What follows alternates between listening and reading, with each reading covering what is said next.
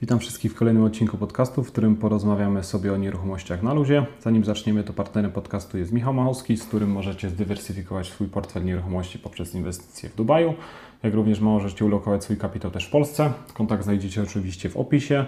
Jak ktoś ma jakieś wątpliwości lub nie wie na jakie rzeczy zwracać uwagę przy kupnie mieszkania, to zapraszam w opisie jest link do nowego e-booka. A dzisiaj tematem rozmowy jest sprzedaż gruntów. A porozmawiam sobie o tym temacie z moim waszym gościem, którym będzie Zbigniew Czekaj. Cześć Zbigniew. Cześć Mariusz, witam wszystkich. E, jakieś dwa słowa do słuchaczy na początku chcesz powiedzieć? E, no, jestem agentem nieruchomości, zajmuję się e, nieruchomościami komercyjnymi, zwłaszcza w tej chwili grunty. Tym się zaczynam specjalizować. Oczywiście współpracuję z firmą Property Zajmujemy się też e, wszystkimi innymi rodzajami nieruchomości, sprzedażą, kupną i pośrednictwem w każdym rodzaju, jeżeli chodzi o te nieruchomości. Więc zapraszam w razie czego. No może tyle. Fajnie. E, no to lećmy z e, tematem. Jak sprzedawać właśnie grunty w takim razie? Na co zwrócić uwagę przy sprzedaży gruntów? To zależy, czyli jesteś, jesteś w pozycji pośrednika, czy sprzedającego, czy kupującego. No generalnie jeżeli, chodzi, jeżeli ja współpracuję z osobą, która sprzedaje grunt, mm, no to przede wszystkim, e, przede wszystkim musimy e, zrobić taki tak zwany wywiad e, z właścicielem. Rozmowa tak naprawdę czego kto chce pewnie, nie? No tak, no wiesz jak to, wiesz jak to jest. No, każdy, każdy gdzieś tam trochę ciągnie w swoją stronę. E, obecnie, obecnie, obecnie są takie, takie czasy, że każdemu się wydaje, że to, co on posiada, to jest najpiękniejsza, najwspanialsza działka. E, Często w grę wchodzą emocje, a nie jakby racjonalne takie myślenie o, o jakiejś tam wartości gruntu, nie? Nie, no tak. No, często, często my jesteśmy tym takim prysznicem chłodzącym, e, gdzie musimy uświadomić właściciela, w którym, w jakiej rzeczywiście jest pozycji, jeżeli chodzi o sprzedaż danej, danej nieruchomości Oczywiście często zdarzają się też sytuacje w drugą stronę, że ludzie nie do końca wiedzą, co mają. Niedoszacowane po prostu, nie? Tak, niedoszacowane i to też, y, też im musimy uświadomić. E, ale generalnie, jeżeli do tego podejdziemy, no to musimy jak najwięcej zebrać informacji od właściciela na temat danej nieruchomości. No, trzeba zacząć oczywiście od tematów prawnych. Nie? No, trzeba ustalić własność, y, czy to jest jeden właściciel, czy jest więcej, czy są jakieś sprawdzamy później zaraz y, księgę wieczystą, no bo kolejna, kolejna rzecz. Trzeci, tak? czwarty dział i tak dalej po kolei. właściciela, ustalenia właśnie służebności, hipoteki. No i później przechodzimy do dalszych rzeczy, czyli tak naprawdę najlepiej jest, najlepsi klienci, a jest ich niestety bardzo mało, którzy się przygotowują do sprzedaży, no to przygotują komplet dokumentów, czyli tak naprawdę E, dokumenty, które, które, które, później musimy i tak przygotować do, do sprzedaży, do notariusza, do sprzedaży, e, to one są najbardziej potrzebne i one najwięcej nam mówią, tak? bo przede wszystkim wypis e, i wyrys albo mapa ewidencyjna wystarczy. To są, to są podstawowe dokumenty, które gdzieś tam weryfikują daną nieruchomość. No i później przechodzimy do planu zagospodarowania przestrzennego, czy jest, czy nie ma E, klasy, jak nie ma, no to też klasy gruntu, jakie są. Też, no i przede wszystkim e, kolejną rzeczą są media. Co mamy przy tej działce? Czy mamy w działce, czy mamy obok, jak daleko? Czy możemy, też, to, to czy możemy się do tych dodanych mediów podłączyć? To jest też ważne. No i takim, taką wisienką na torcie, jeżeli chodzi o to, no to jest ustalenie dojazdu. Czy mhm. dana działka ma dojazd, bo nawet działka, która jest działką budowlaną w, w planie zagospodarowania przestrzennego, może się okazać, że nie ma drogi, drogi dojazdowej i tak naprawdę jest nic nie warta. Mhm, dokładnie. Ale jak już jesteśmy właśnie przy dokumentach, to jakie właśnie dokumenty są potrzebne do sprzedaży? Jeżeli już powiedzmy przeszliśmy ten etap, mamy kupującego, przygotowujemy się do transakcji. Tak, więc jesteśmy chwilkę przed notariuszem po tak, prostu. Tak, podstawowe dokumenty, które notariusz będzie wymagał, no to jest wypis z rejestru gruntów. Mhm. Y, I w zależności od tego, czy ta działka już ma swoją księgę wieczystą, czy nie, to często albo mapa ewidencyjna, ewentualnie wyrys jest potrzebny, jeżeli jest ustanowiona zwłaszcza nowa księga wieczysta.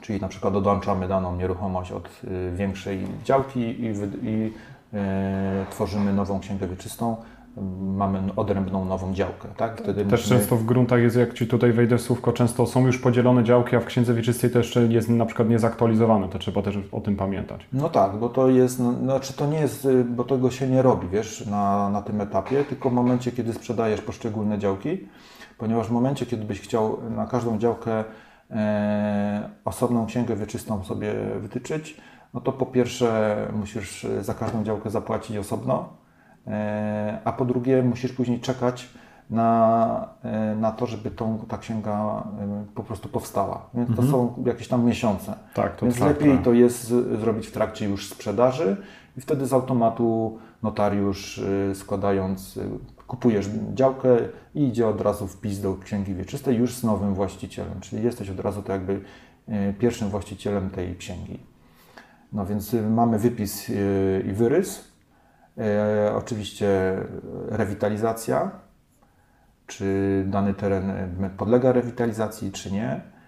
E, I później mamy zaświadczenie, jeżeli chodzi o urządzenie lasów, bo te, to, są, to są dokumenty, które no, mogą, może by się okazać, że na przykład to jest jakiś tam teren albo jakiś e, leśny, albo w pobliżu jakiegoś leśnego terenu, który jest, może się okazać, że jest przeznaczony pod zalesienie i na przykład wtedy e, nadleśnictwo ma prawo pierwokupu takiej działki.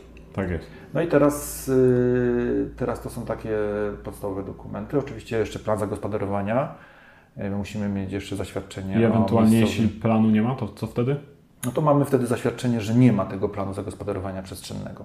No i wtedy w zależności już... Najczęściej kupując o jakąś WZ się tam starają po prostu, żeby mniej więcej wiedzieć też Tak, tak, na, przyszłość, ale tak jakby od strony kupującej już mówimy Tak, trochę, tak. nie? No i to wtedy, wtedy żeby daną, daną działkę e, można było zabudować, no to trzeba się starać e, o warunki zabudowy.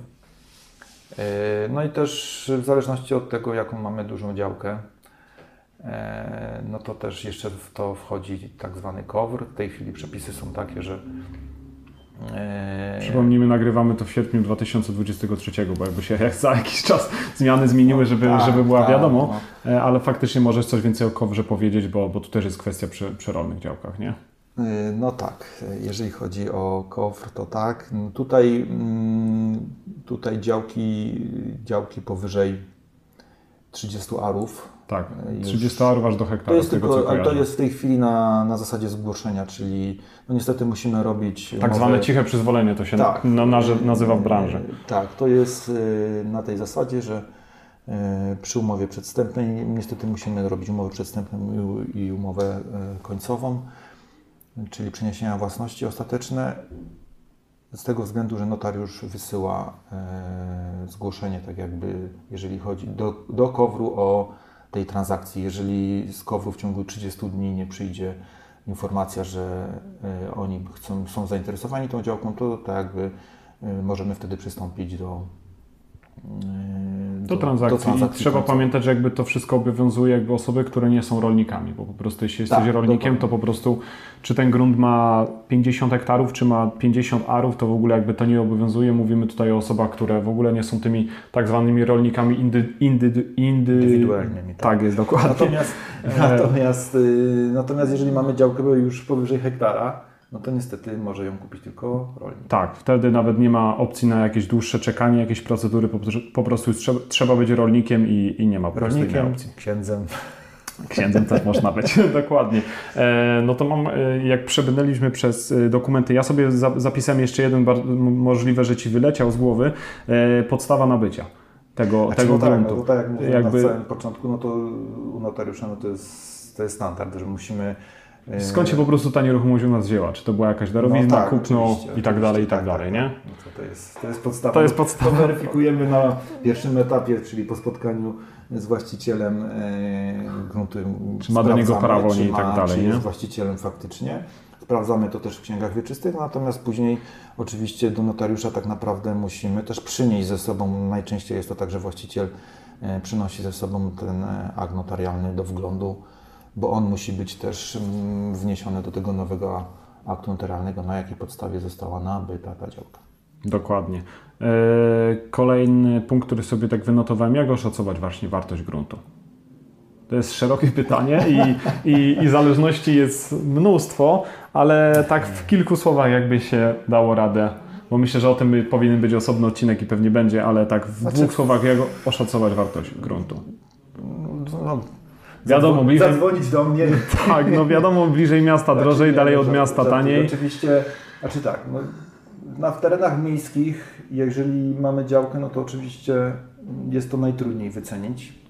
E, Z tego względu, że rozpiętość cen jest e, no, bardzo duża, tak? No, bo im bliżej centrum, tym te działki są droższe, oczywiście, więc pierwszym I elementem... wtedy bardzo duże znaczenie ma, takim- co w ogóle można wybudować, bo, bo, No tak. bo w mieście, w którym każdy ar jest bardzo drogocenny, to wtedy już naprawdę to już wchodzą mocne No tak, no to przeliczenia. więc mamy, mamy tak, że sprawdzamy sobie, przede wszystkim bierzemy pod uwagę tą lokalizację, sprawdzamy sobie później właśnie, jakie są możliwości danej działki, Yy, no i czy jest, czy są wszystkie media, yy, na danym terenie, czy jest droga dojazdowa, więc to są takie podstawowe rzeczy. No i później przeliczamy sobie, co, co z tym możemy zrobić, że tak powiem, co tam możemy postawić. Więc musimy sprawdzić sobie plan zagospodarowania na, danej, na danym terenie.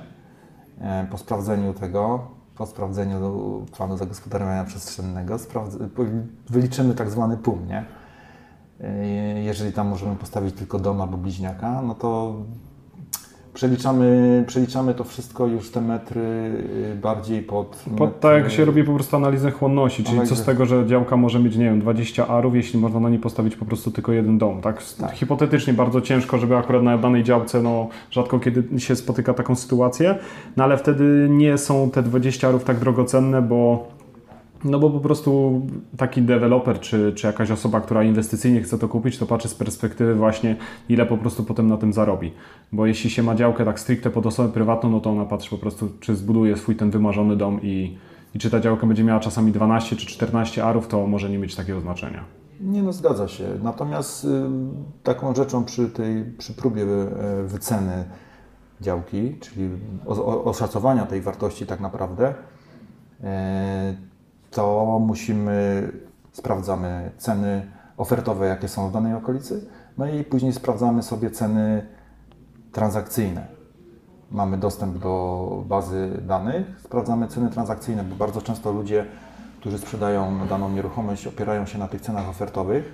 Ceny ofertowe sobie- średnio myślę statystycznie, nie wiem jakie jest Twoje takie rozeznanie, ale myślę, że 20, nawet czasami 25% może być przeszacowane do takich No. prawie realnych cen y, transakcyjnych. Tak, nawet do, nawet do 30%, zwłaszcza właśnie na tych terenach takich bardziej atrakcyjnych, czyli tak jak na przykład my jesteśmy w Krakowie, więc w Krakowie każdemu się wydaje, że dana działka em, musi być bardzo, bardzo, bardzo droga, bo jest jed- jedna, jedyna, ostatnia i wyjątkowa. Natomiast jest to uzależnione mimo wszystko jednak od tego, co się z tą działką da zrobić, a nie, z każdą, na, nie na każdej się da postawić, nie wiem, wieżowiec na przykład. Nie? Tak, no i często działki mają też jakieś problemy i tak dalej. Też kwestia mediów, jeśli nie są podciągnięte, to to są dodatkowe koszty, często nie, nie bardzo tanie i droga to samo. No tak, no i, i w, takim, w takim wypadku często ludzie, którzy przeszacują daną e, wartość danej działki, no to muszą poczekać, nie wiem, pół roku, rok, półtora, dwa. W momencie, kiedy się ta cena zdewaluuje i urealni, dopiero wtedy znajduje się kupiec, który jeszcze trochę ponegocjuje i dopiero kupi. Dokładnie. Tak, tak, tak bardzo często jest, no to tak pokrótce e, tutaj omówiliśmy to. E, Teraz mam taki podpunkt, czym różni się sprzedaż dużych gruntów od mniejszych? Jakbyś takie jakieś e, wskazówki może dla kogoś, kto właśnie ma e, w portfelu swoim nieruchomościowym duży grunt albo mały grunt i takie naj, najważniejsze rzeczy, czym to się różni? Znaczy no, podstawą, podstawą przy, żeby, żeby różnicę zobaczyć, podstawą jest to, jaki, czy jest na danym terenie plan zagospodarowania przestrzennego, czy go nie ma i jakie są tam warunki, tak? co tam jest ustanowione, co tam można zrobić. Bo mały grunt, czyli powiedzmy 10 arów. 10 do 20 arów, to, to są pod klienta indywidualnego, pod dom, pod bliźniak. Chyba, że to jest gdzieś w centrum miasta i coś jest, da się coś Znaczy, tam no wepchać, tak, ale no- ogólnie sta, statystycznie to jest po prostu od klienta prywatnego najczęściej. Tak. Tak, powiedzmy, że to może nie w Krakowie, czy generalnie nie w dużym mieście, Ale w okolicach w granicach, już tylko tak. powiedzmy w samych okolicach, gdzie gdzie ludzie chcą się wyprowadzić z miasta i kupić sobie działkę, żeby sobie spokojnie mieszkać. Natomiast większe działki tam, no to zazwyczaj już są e, albo wykupują deweloperzy pod jakąś inwestycję. Bo też jest cena po, prostu większa. Tak, no cena, cena danej działki jest dużo większa, bo oni kupują całość, natomiast wtedy im, generalnie rzecz biorąc, im większa działka, tym cena od y, metra kwadratowego niższa. Tak? Bardzo podobnie jak przy mieszkaniach. Po No prostu im dokładnie. większy metraż, tym za, za metrem kwadratowym Chociaż po prostu tu przy mniej. mieszkaniach obecnie to już nie do końca się zgra, już w tej chwili dużo jest y, takich nieruchomości. Teoretycznie tak jest, ale jednak jest trochę deficyt tych dużych mieszkań, przynajmniej na przykład w Krakowie. Znaczy tak myślę, że pewnie od 100 metrów w górę, bo po prostu się inny klient trochę zaczyna. Tak, dokładnie. Taki klient Dokładnie. premium, którego już się liczy trochę też inaczej, nie? Dokładnie, zgadza się. Natomiast to tak notabene. Natomiast przy gruntach generalnie duża działka, mniejsza cena od metra kwadratowego. E, oczywiście, jeżeli to jest działka powiedzmy pod dewelopera, no to wtedy już trochę inaczej przeliczamy, bo przeliczamy to na tak zwany PUM, czyli trzeba zrobić analizę chłonności, Tak przeliczyć, y, co tam można wybudować, chociaż to nie jest takie proste, jak y, każdemu się wydaje, że sobie wejdzie na plan i sobie policzy procenty. Tak, szybko i, w kalkulatorze mu to I wyskoczy. wy, wyskakuje mu, że działka powinna A potem idzie 100 do, milionów. tak, a potem idzie do architekta i on mi mówi połowę tego, drogi panie. No, dokładnie, najczęściej tak jest. Więc no, generalnie, generalnie tak się te, te działki, y, powiedzmy, patrząc poza terenami miasta, różnią się właśnie to, czy to jest pod y, klienta indywidualnego, czy pod dewelopera, który chce zrobić jakąś inwestycję. No i kolejną grupą są jeszcze też y, działki usługowe. I też one są powiedzmy 50-60 arów pod jakieś mniejsze hale, magazyny, E, ale też y, dużo jest w tej chwili zapotrzebowanie na duże inwestycje e, kilkuhektarowe pod jakieś y, zakłady przemysłowe, pod y, Parki logistyczne i tak dalej często też. parki, Tak, dokładnie. To po całej Polsce tak naprawdę. Więc to już, to już też, też się przelicza według powierzchni usługowej znowu. Też y, i jaka część jest przeznaczona pod usługi, bo najczęściej te duże działki no, nie są w całości na przykład y, przeznaczone pod zagospodarowanie, bo część jest z nich jako teren rolny albo zieleń urządzenia, więc, więc y, najczęściej nie wszystkie może zagospodarować. No i jeszcze teraz mamy, doszły nam też No i jeszcze jak wtrącę Ci No. jeszcze, jak jesteśmy przy, przy usługach i tak dalej, przy działkach pod usługi, to też jest wtedy bardzo ważna kwestia, mm, co nie zawsze przy budowlanych czy rolnych działkach aż tak ma to znaczenie, czyli po prostu jakieś e, logistyczne usadowienie tej działki, czyli Znaczy, przy no węzłach tak, no komunikacyjnych. Tu jest wtedy To jest najważniejsza rzecz, która przy- albo do, bardzo potrafi działkę wzrost na wartości sprawić, albo, albo w drugą stronę, bo może być fajna działka pod usługi, ale jak nie ma dobrej komunikacji, to wcale niekoniecznie ktoś będzie ją no chciał. Tak, no podstawą, podstawą jest droga dojazdowa dla tirów i tyle. Nie masz, nie masz drogi dojazdowej, nie ma odpowiedniego tonażu. Jest to duże utrudnienie, więc z automatu małe szanse na to, żeby to taka firma y, kupiła, chociażby był nie wiem jak atrakcyjny. Natomiast A przerobienie tego y, często się, wiąże się z takimi kosztami, że to już się nie opłaca. no, musisz występować o, do, do gminy o zgodę, czy tam do zarządu dróg, o zgodę na to, żeby mógł tam jeździć y, transport ciężki. Y, Często są to do- dosyć duże koszty, bo to, to nie jest za darmo nigdy. I też jest ograniczona ilość najczęściej y, tych samochodów, które tam mogą wjeżdżać. Tak? Natomiast jeżeli ktoś prowadzi, nie wiem, centrum logistyczne, gdzie tak naprawdę tam non-stop y, jeżdżą samochody, no to Masz takiego na przykład Amazonu, no to, to, to jest po No to- prostu jedna wielka magazynownia, do której ktoś wjeżdża i wyjeżdża. Więc ten węzeł komunikacyjny, drogi ekspresowe, autostrady w bliskiej odległości są podstawą. Tak jest. Y, To mam teraz takie pytanie, jeśli właśnie słuchają nas osoby prywatne i mają różne rodzaje gruntów, to który według Ciebie grunt sprzedaje się najlepiej, a który najtrudniej? No i można to wyszczególnić różne, no ale powiedzmy skupiając się na budowlanym, rolnym, właśnie usługowym, może są jakieś nieużytki i tak dalej. Znaczy to wszystko jest uzależnione od tego, w jakiej lokalizacji to mamy. No, jeżeli mamy dobrą lokalizację, dostęp do komunikacji miejskiej, e, komu, najlepiej, naj, najlepiej, najlepsza działka, no to dla osoby indywidualnej, no to masz między 8 a 15 arów, Budowlane i pod dom. budowlana z planem y, płaska. y, Najlepiej jeszcze widokowa. Oczywiście, najlepiej było, żeby jeszcze była widokowa w powiedzmy 10 minut, 5 minut, 10 maksymalnie do obwodnicy, parę minut do, na nogach do przystanku yy, komunikacji miejskiej. Jak, jak pociąg jest niedaleko, czy stacja, to też No, fajnie. też, ale nie za blisko, żeby nie było słychać. Tak, żeby to nie było uciążliwe, tak Więc jest. to są takie najlepsze nieruchomości pod y, klienta indy- indywidualnego i, i takich nieruchomości ludzie często długo szukają. No, Znam klientów, którzy potrafią e, oglądać kilkadziesiąt nieruchomości, rok, dwa, nawet i trzy szukają tej idealnej działki, przy czym tak naprawdę nie do końca wiedzą, czego szukają, z tego wynika. Więc to jest tak y, pod takiego klienta indywidualnego. Natomiast, natomiast jeżeli chodzi o działki na przykład usługowe, no to w tej chwili też jest duże zapotrzebowanie. No to, natomiast tutaj podstawowym, podstawowym takim e, wariantem jest, żeby to było w, no przede wszystkim dojazd dobry, żeby był komunikacja e, drogowa, dostęp właśnie przez samochody ciężarowe, jak nie tiry, no to też w zależności od wielkości tej działki, co tam by można było, ale jakieś zakłady usługowe, fajnie, żeby to było przy tych właśnie drogach głównych, e, jakieś tam witryny, chociaż niby teraz już na to nie patrzy się na te reklamy, ale jednak bliskość tej drogi, no to jest też ważne, jeżeli chodzi o komunikację dla tych firm. W zależności, czy to jest magazyn, czy to jest jakiś mały Mhm. biurowiec, jakiś sklep. Teraz też y, duże zapotrzebowanie jest przez te wszystkie dyskonty, czyli firmy typu, nie wiem, Biedronka, Lidl, czy e, sklepy Centrum, czy inne jeszcze, które Dino i tak dalej. tak, mocno się rozwijają, więc one y, budują swoje nieruchomości, właśnie swoje sklepy w mniejszych miejscowościach, Tak jest. więc szukają takich gruntów w granicach 30-50, ale musi być też albo bez planu, albo e, z planem zagospodarowania. Natomiast jak nie ma planu, no to oni, oni sobie życzą e, wz i gdzieś tam przygotowywanie przynajmniej wstępne, e, jeżeli chodzi o pozwolenie na budowę, warunki, żeby mieli określone, że mogą tam postawić. Tak, żeby po prostu nie kupili działki, na której potem właśnie tego danego sklepu nie wybudują, ale wspomniałeś właśnie o tych dobrych gruntach, że jak ktoś właśnie takie posiada, to najprędzej łatwiej je sprzeda. A właśnie te najtrudniejsze Znaczy też- to są te jakieś takie losowa działka gdzieś tam w polu bez drogi i tak dalej.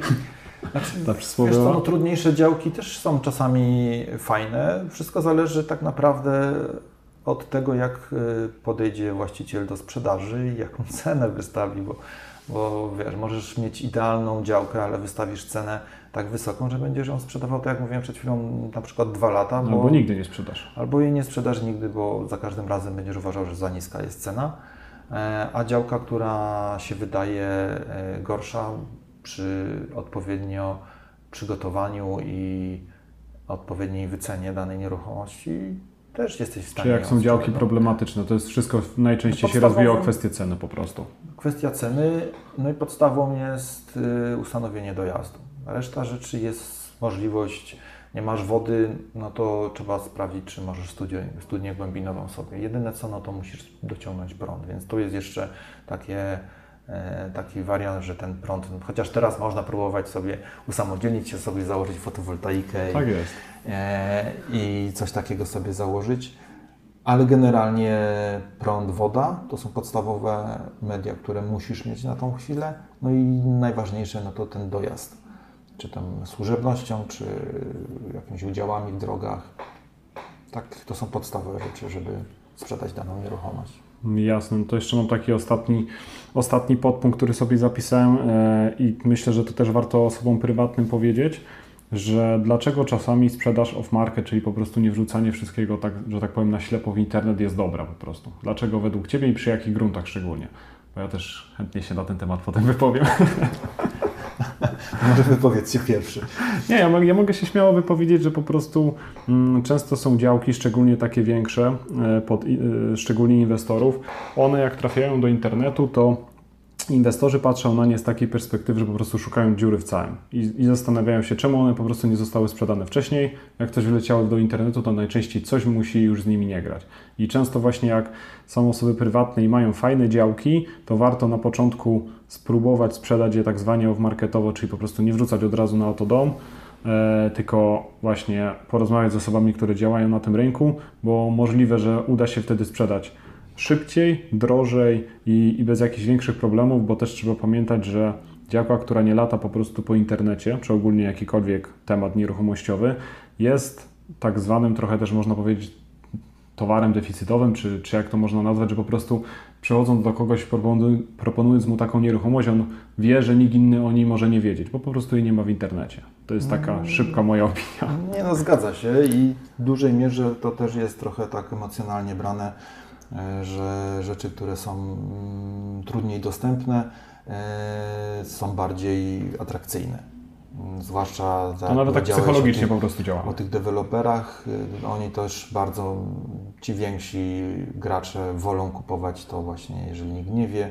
Też nie wszyscy chcą później e, afiszować się z tym, że kupują dane grunty. Też y, są to, są to czasami bardzo drogie rzeczy.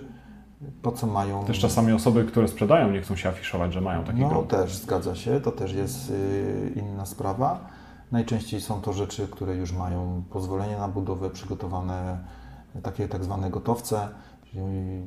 Często, często deweloperzy, którzy kupią e, kilka nieruchomości, przygotowują do każdej z nich pozwolenie na budowę i później sprzedają jedną, jeden na przykład grunt, już gotowca tak zwanego, żeby mogli zainwestować w pozostałe grunty.